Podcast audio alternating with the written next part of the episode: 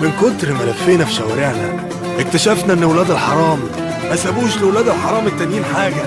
اسمع حكاوي أسامة الشاذلي.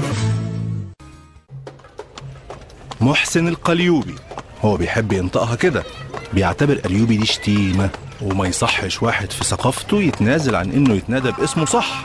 محسن بقى مثقف أصلي ومثقفين وسط البلد اللي دايما مطولين شعورهم ولابسين بنطلونات جينز ما سمعتش عن اختراع الغسالة أصلا.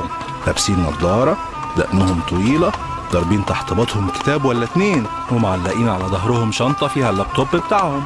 وما تسألنيش ليه مش حاطين الكتب في الشنطة لأن أنا شخصيا معرفش محسن القليوبي لازم كل ما يتكلم ينظر. تحس كده هو قاعد على القهوة البلدي بيضرب قهوة في كوباية إنه واقف على مسرح بيخطب في المعجبين بتوعه. لازم يستشهد في كلامه بآراء فلاسفة وكتاب مشاهير. ويا سلام بقى لو اتريق على رأي واحد فيهم عشان يأكد للمستمعين إن برضه عنده وجهة نظر. محسن عادة ما بيبقاش في جيبه أكتر من 3 جنيه.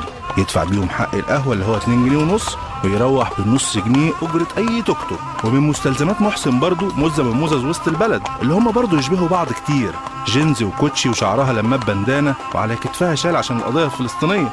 وأكيد بتشرب شيشة محسن بقى بيشرب سجاير. بس برضه حسب الظروف مصري مستورد مش مهم. المهم إنه ينفخ دخان في وش اللي بيكلمه. محسن واحد من مئات المحاسن قصدي المساوئ بتاعة مدعين وسط البلد.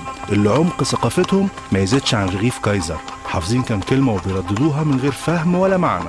معارضين كل شيء حتى وجودهم. لو حصل وشفتوه في يوم من الأيام ما تحاولوش تقنعوه يسرح شعر ولا يغسل بنطلون. بس نادوا عليه بصوت عالي قوي يقولوا يا أليوبي بكرة حكاية جديدة من ولاد الحرام. ما سابوش لولاد الحرام التانيين حاجة. مع أسامة الشاذلي